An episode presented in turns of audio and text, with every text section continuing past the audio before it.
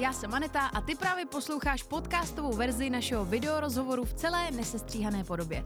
I tenhle rozhovor vznikl díky Refresher Plus. Přidej se k předplatitelům i ty a podpoř tvorbu kvalitního obsahu na www.refresher.cz lomeno plus.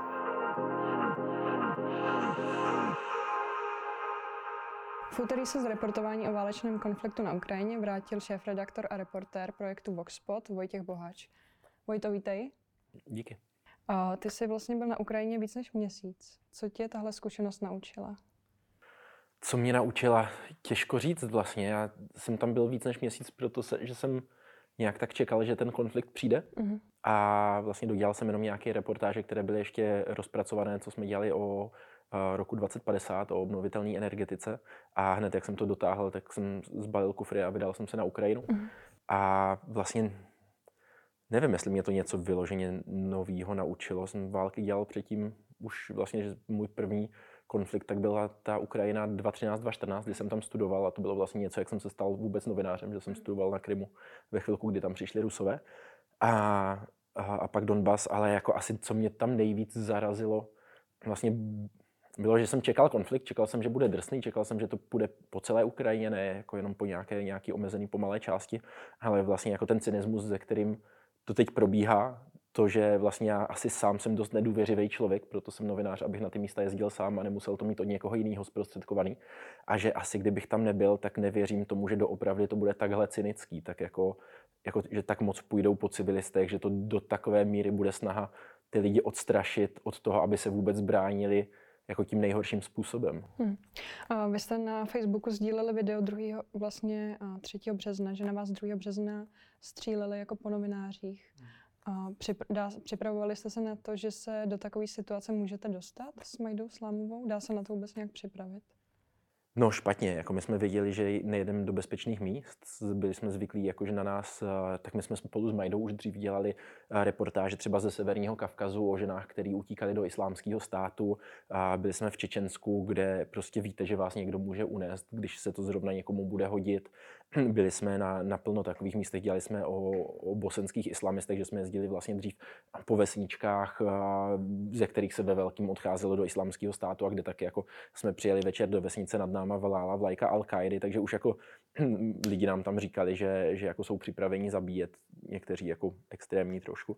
A, takže jsme byli zvyklí na nějaké takové situace a dost jsme o tom mluvili. My jsme měli to tak dost nastavené jako v té dvojici naší, že se budeme bavit o tom, co je nám ještě pro nás přijatelný, že když jeden řekne, že už chce domů, tak pojedeme oba domů a měli jsme to nastavený, že jako nepůjdeme jeden proti vůli toho druhého, nebo že se nebudeme navzájem tlačit do něčeho, kam někdo nechce. A, a tady to bylo jako samozřejmě něco, co to reportování z války obnáší, že víš, že se to může stát, ale stejně to bylo dost velký překvapení se najednou objevit pod tou palbou a vlastně pro mě to bylo na mě často kolem mě padaly jako nějaký miny nebo rakety, nebo byla nějaká střelba třeba v Afganistánu, když jsme byli, tak, eh, tak eh, Taliban zaútočil na nějakou neziskovku nedaleko od nás, ale nikdy to nebylo, že by někdo přímo jako na mě natočil tu útočnou pušku a začal střílet, takže to bylo, to bylo jako poprvé něco takhle, když si představí, že fakt někdo tam je proto, aby zlikvidoval konkrétně tebe, ne jako nějakou náhodu nebo tak. Takže tohle bylo, to, tohle bylo dost nepříjemný a vlastně nějakým způsobem asi nejextrémnější, v čem jsem se zatím objevil. Co se člověku v takovou chvíli honí hlavou, jak vlastně mm, uděláš to, aby si rychle zareagoval? Das? No, ono tam, a, tam moc vlastně, ono, člověk přejde do nějak, jeho navi- samonavigace, prostě, kdy moc nemyslíš na to, v čem seš, neanalizuješ to a děláš jenom to, co ti přijde, že musíš dělat. To bylo právě stejný, jak když jsem říkal, že na nás na Donbase třeba padaly miny z minometů jako 50-100 metrů od nás, když jsem tam byl tenkrát eh, jako s kamarádkou, s fotografkou. A taky to je vlastně stav, ve kterým akorát se zbystří myšlení hrozně. Všechno se nějakým způsobem asi zpomalí, jak si to pamatuju. A najednou člověk prostě reaguje tak, jak má být. Jako na Donbase to bylo tak, že jsme skočili do uh, do nějakého zákopu a tam už jsme nic moc nedělali, tak tady to bylo prostě rychle zařadit, začít couvat a, a zmizet co nejrychleji z toho, z toho místa. No. Akorát ono se na to hodně obrací pozornost, na to, že stříleli po nás. Já bych jako spíš obracel pozornost na to, že jako díky tomu my dokážeme předat to, jak se tam ti lidi mají, ale jako pro ty lidi třeba v tom Makárivu, kde se tohle stalo, 30 kilometrů na, na západ od, od Kieva jenom. Nevím, plno lidí bylo někde v Kijevě, bylo tam na párty, protože tam vždycky byly nejlepší jako kluby a takhle, nebo poslední roky. A teď si představte, že 30 kilometrů od toho místa jsou prostě ruští vojáci a střílí tam každý den, prostě ostřelují domy civilistů. My jsme doteď v kontaktu s těma lidma, jakože paní, co tam vede v tom Makárivu, kde na nás stříleli kulturní centrum třeba, tak mi psala, že od té doby, co jsme od tam odjeli, tak jako jim tam zemřelo hrozně moc jako bojovníků a jsou to lidi, jako že my jsme tam byli chvilku v krytu schovaní s místníma a ženy nám říkali, hele, my tady nemáme internet, nahoře bojují jako naši muži a my se ani nedozvíme, jako jestli ještě žijou nebo ne. A teďka vlastně mě psala včera tady ta paní, která tam vedla tu budovu, pod kterou je ten kryt, tak říkala, no a od té doby, jakože už nám se zemřelo těch lidí hrozně moc, takže jako je jasný, že nějaký z těch žen, který tam s náma byli a se kterými jsme se bavili, tak si tady tímhle prošli. A to, co my jsme tam byli prostě tři hodiny tady na tom místě, tak oni tam už prožívají prostě druhý týden každý den prakticky. A vlastně uh, liší se běžný den těchto lidí od uh, třeba běžných dnů vlastně lidí v Kijevě? A je, No jasně, ono to je, jakože ta válka se pohybuje a sice my tady ve spravodajství většinou máme, jakože Kiev je už bombardovaný a tak, ale to ještě naštěstí, jo, díky bohu, to pořád není pravda. Jo. Ty boje nejbližší se vedou o Irpiň, třeba tady, co je pět kilometrů od vlastně toho nejzašího předměstí Kieva. Takže jako Kiev je, on byl ze začátku v hrozném zmatku a je to jako nutný nějakým způsobem, že poprvé, co si člověk zažije, že na, jako na jeho město padají rakety, tak s každým s každou sirénou běží do sklepa a bojí se, že teďka už to spadne na něho a že mu hrozí jako nějaký ohrožení života. Ale velice rychle vlastně třeba po týdnu už si lidi zvykli, že to vlastně jako sice padají rakety třeba někam na předměstí Kyjeva, ale vlastně není úplně potřeba, dokud to nebude tady u mě, tak jít do toho krytu. Co se tam děje, tak jako Kyjev je vylidněný. Od 9, teďka nevím, jak je to přesně dneska už, ale od 9 večer zákaz vycházení, spotemnělý město, často nesvítí lampy a vy třeba vždycky jsme se vraceli z reportáže někde za Kyjevem zpátky do města a tam vidíte ty gigantický v Kyjevě hrozně moc fakt vysokých jako domů, takových, ne, nenazval bych to úplně uh, úplně mrakodrapy, ale jako hodně vysoké domy a vy vyjíždíte do toho potemnělého města a vypadá to jak z nějakého jako postapokalyptického filmu. Mimo to tam je na každém kroku checkpoint, na který vás zastaví, vy tam musíte ukázat třeba jako pas, novinářskou kartu nebo preskartu a, a nikde nejsou lidi moc, většina obchodů je zavřených, žádný hospody, restaurace, všechno je pozavíraný. Lidi občas výjdou do ulic, jakože je tam otevřených třeba pár obchodáků, tak chodí jako nakupovat, ale je to celé takové jako depresivní, potemnělé, pořád jsou lidi připraveni na to, že je potřeba jako mít na paměti, že i když třeba teď nás ještě nebombardují, takže během pár dní to může přijít. Doopravdy jako jediné jako vyloženě živé místo je to nádraží, kterým, přes které lidi utíkají z Kieva jako na západ do Lvova, do Zakarpatí, anebo úplně ze země. Takže jako ten život je takový, ono je to moc krátký, aby, aby se udělali návyky nějakého nového života. Ono je to fakt jako pořád začátek, kdy lidi týden si třeba říkali, že tam zůstanou, ale pak se rozhodli, že odjedou a teď už jsou na tom nádraží a, a odjíždí, takže tam jako nic moc stálého, nějaký jako návyky nejsou. Zatímco třeba v těch městech, jako je Makáriv nebo Irpiň, tak kromě toho, že probíhá evakuace a sezení ve sklepech, tak se tam neděje nic jiného. Buď jsou lidi v krytu, anebo se evakuují, ale jiný život tam prakticky není. Um, jak vlastně Ukrajinci ten konflikt prožívají? Um, cítíte z nich stále odhodlání? Nevytrácí se někam to odhodlání vlastně pod tíhou té deprese, která tam vlastně je? Ono spíš roste zatím, co jsem si všímal, tak jakože tam dochází z nějakého odhodlání až k zuřivosti z toho, jak jim to Rusko mohlo udělat. A jako ono to sjednocuje celou Ukrajinu od Charkova až po Lvov, tak jestli to dřív byla jako modrá, oranžová Ukrajina, oranžová ta západní, modrá ta východní, které jako tradičně volili jedna víc pro rusky, druhá víc pro, pro evropsky a tak, tak a to už tam prakticky, jako bych řekl, není, nebo teďka to není určitě vidět. Teďka je sjednocená Ukrajina proti nepříteli, který jim od Charkova jako vlastně, a to je ten paradox toho, že ti, co byli nejvíc proruští, tradičně měli jako největší pochopení pro Rusko, největší vědomí toho, že tam jsou ty ekonomické vazby, ty rodinné vazby přes hraniční a tak. tak, eh, tak vlastně ti dostali jako první, že jo. Charkov, prostě jedno z tady těch měst, jasně od roku 2014, od začátku té války se to hrozně změnilo, ale stejně jestli Rusko mělo kde hledat pochopení, tak to bylo v těch místech, které teďka nejvíc bombarduje a které nejvíc ničí. Takže vlastně bych řekl, že ten východ se paradoxně už stává radikálněji pro, ruským než ten západ. Jo. A, a já pořád přemýšlím nad tím, kdy se to převrátí celý, a z toho jako obrovského naštvání a odhodlání bojovat, tak kolik lidí vlastně musí zemřít, aby si jako řekli třeba, hele, to nám za to nestojí, končíme, kapitulujeme, prostě už je nás moc mrtvých a už je to moc nebezpečný, ale zatím jako ani náhodou k ničemu podobnému nedochází. Jasně, že lidi už chtějí, aby to skončilo dávno, ale jako zatím to spíš graduje do většího a většího odhodlání se bránit, mi přijde. No a vlastně uh, ty jsi o tom začal mluvit, je, uh, zjišťoval jsi, jak uh, lidi, kteří mají rodinný vazby na Rusko, třeba tohle prožívají, jak vlastně um, ti, co mají v rodině jako jak Ukrajince, tak Rus, Rusy.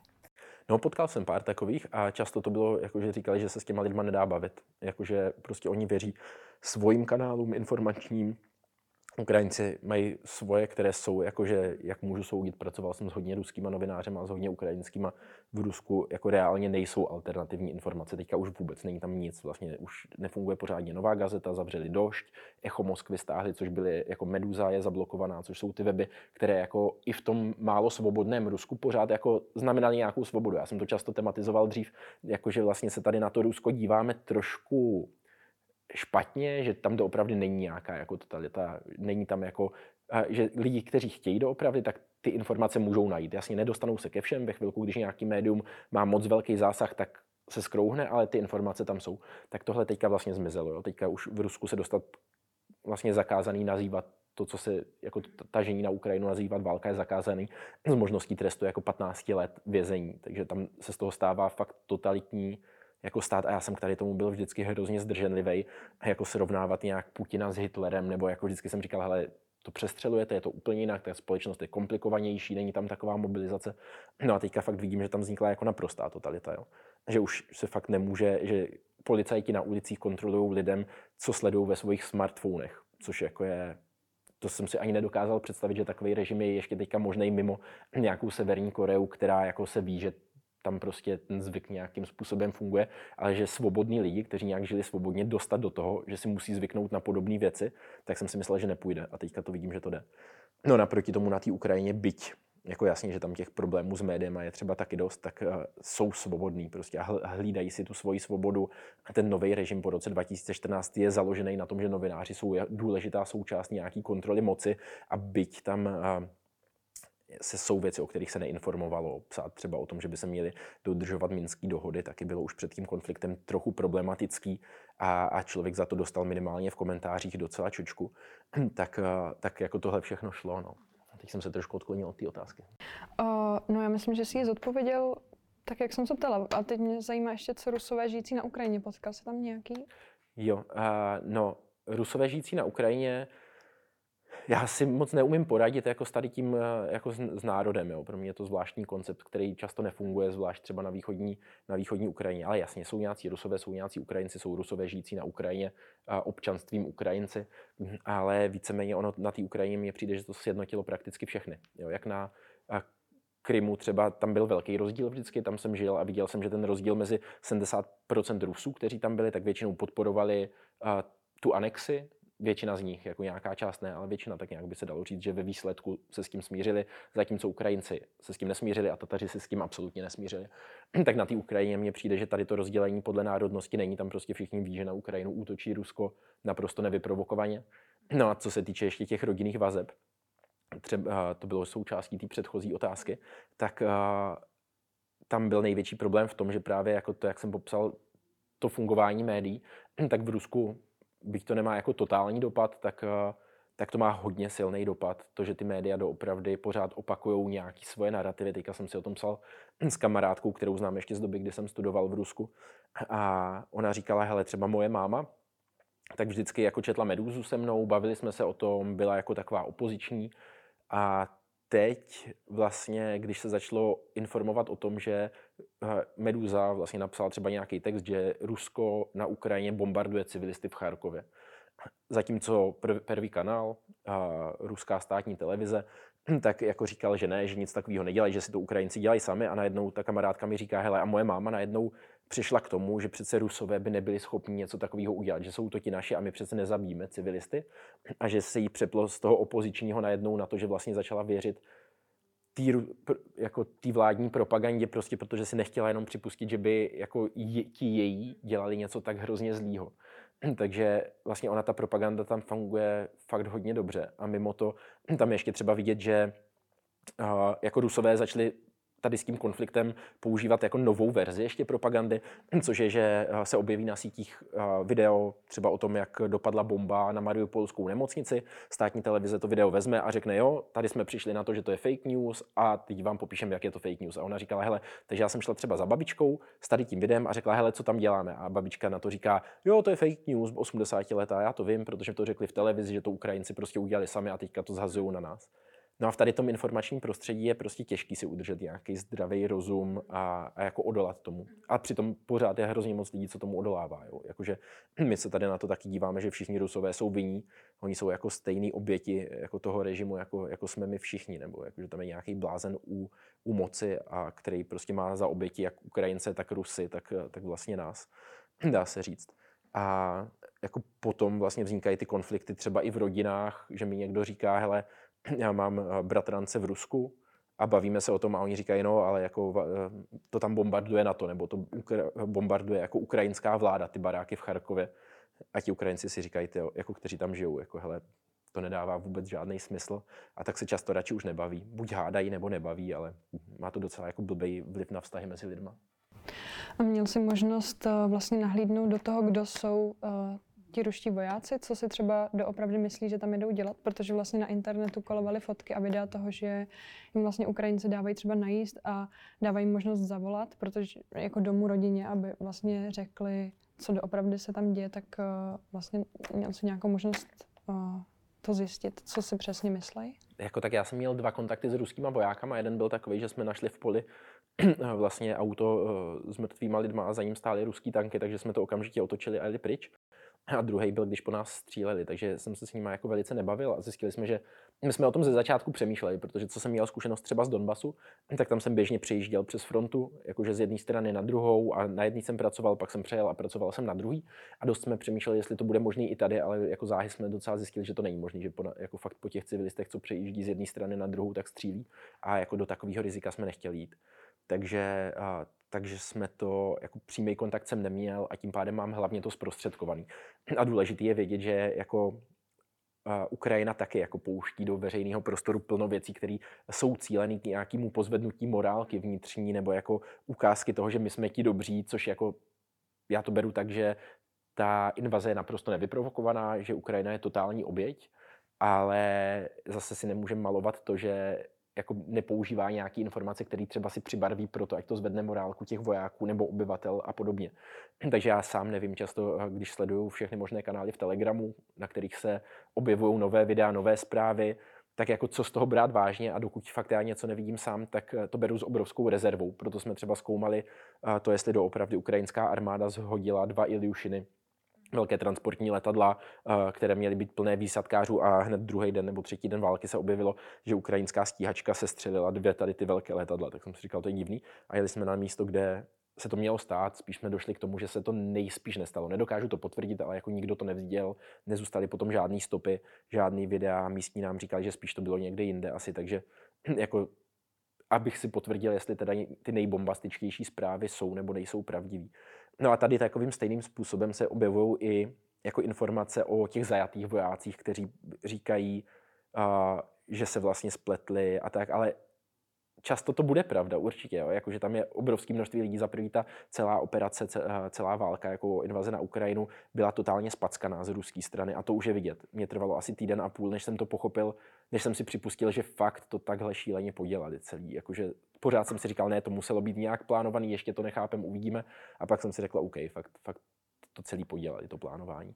No a pak se ale objevují právě ty videa, třeba co mě zaujalo dost, tak jeden ruský voják měl desetiminutovou řeč eh, o tom, že vlastně to nikdo ani v té armádě pořádně nechtěl dělat, že je tam špatný velení, že vojáci nevěděli, do čeho jdou, a těch videí je tolik a často jsou jako z tak kvalitních zdrojů jinak, že to nechci rozporovat, že mně přijde, že asi to tak teda bude, že doopravdy často to jsou mladí kluci 18 až, až 20 let, kteří jsou, a vidíme to ostatně na videích třeba eh, z Chersonu nebo, eh, nebo z jiných měst, které jsou okupované, z Berjansku myslím třeba, tak když jsou tam ty demonstrace, že ti kluci prostě jsou úplně zmatení a neví, co dělat, že čekali, že jdou osvobodit zemi od nacistů a najednou zjistili, že vlastně tam vůbec nikdo nechce, ale jako absolutně nikdo, že v okupovaném městě vyjde do ulic pět tisíc lidí, kteří řvou jako vraťte se domů a jde vidět, že jsou z toho jako hodně zmatení a musí to být psychicky hrozně velký tlak. Proto si taky myslím, že Putin přechází víc a víc k tomu jako bom, těžkému bombardování, které je neosobní, protože jako dělat to osobně,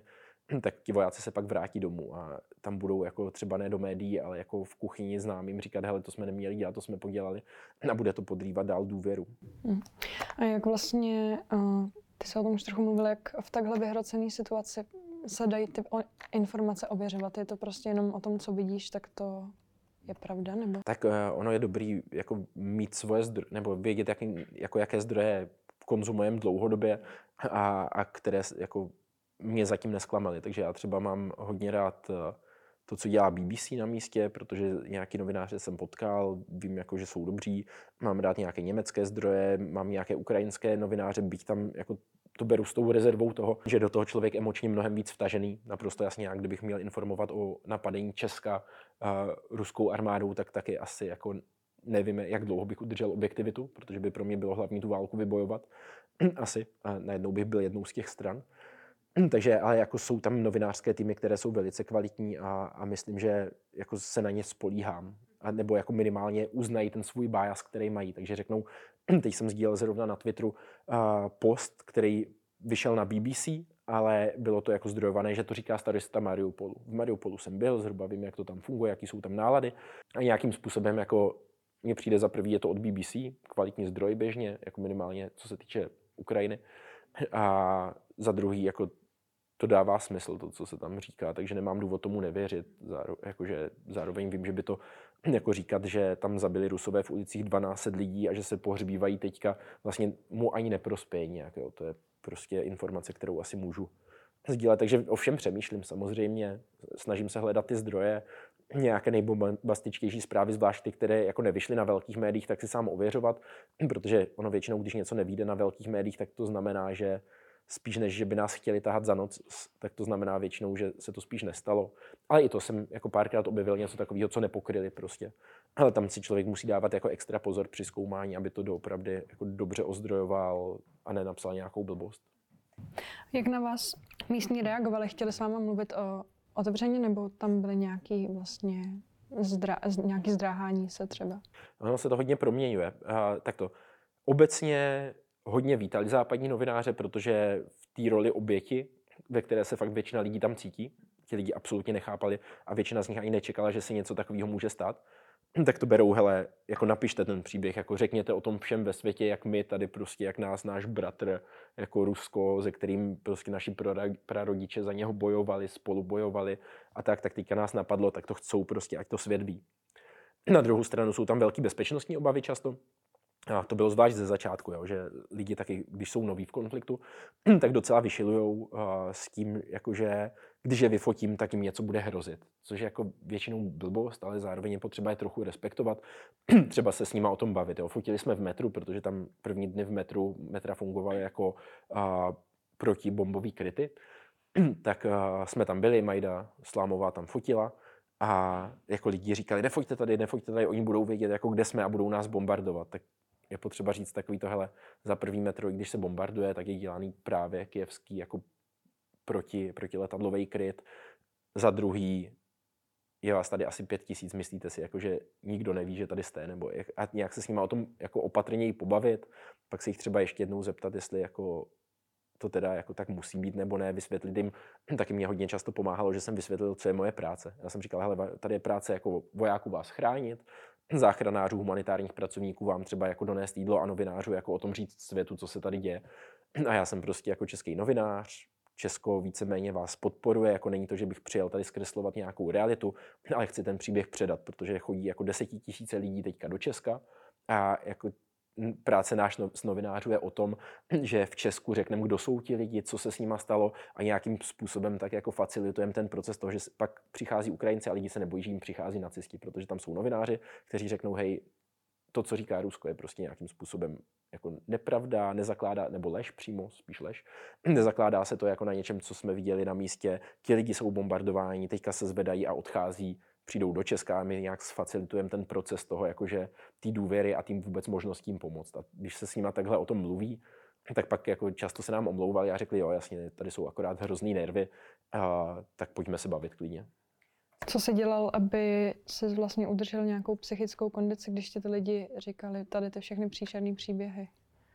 Tak dokud jsem tam byl, tak to bylo v pohodě, protože to byla práce a bylo to jako velký nasazení. To, že pořád běháme, sbíráme ty příběhy, často jsou hrozně těžký, ale člověk má nějaký ty novinářský klapky na očích, kdy se na to dívá skrze to svoje reportování, přemýšlí o tom jako o textu, který bude psát takže to je jako někdo něco řekne a já o tom nepřemýšlím, jako že se mě to dotýká ten příběh moc, jako samozřejmě se dotýká, ale jako spíš jako jak to hodím do toho příběhu, aby fakt předal co nejlíp tu realitu na místě. Stříleli po nás, říkám si, jak to tam udělat.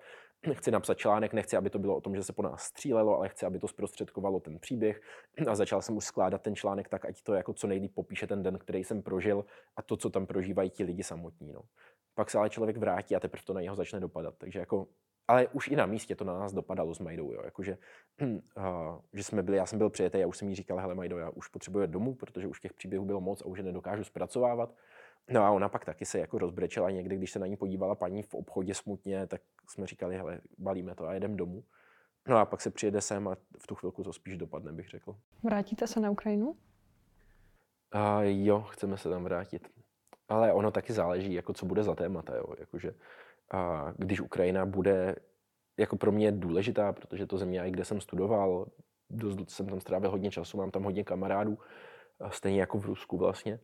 Takže pro mě jako je pokrývání Ukrajiny a Ruska to nejdůležitější, protože vím, že se v tom nejvíc vyznám, víc než kdokoliv jiný u nás v redakci. Takže jakože když je to to hlavní téma, tak bych ho měl dělat. Ale uvidíme, co se do měsíce stane. Já vím, že třeba jako teďka měsíc tam asi nepojedu, ať si od toho odpočinu, ať získám nějaký nadhled zase, ať se na to dokážu, když tam přijedu podívat novýma očima. Ale jestli to bude dál jako tady to hlavní téma, jestli nedojde k nějakému uzavření míru nebo se nestane něco horšího, tak, tak tam asi pojedeme někdy ještě na jaře. Tak jo, tak díky za rozhovor. Taky díky za rozhovor.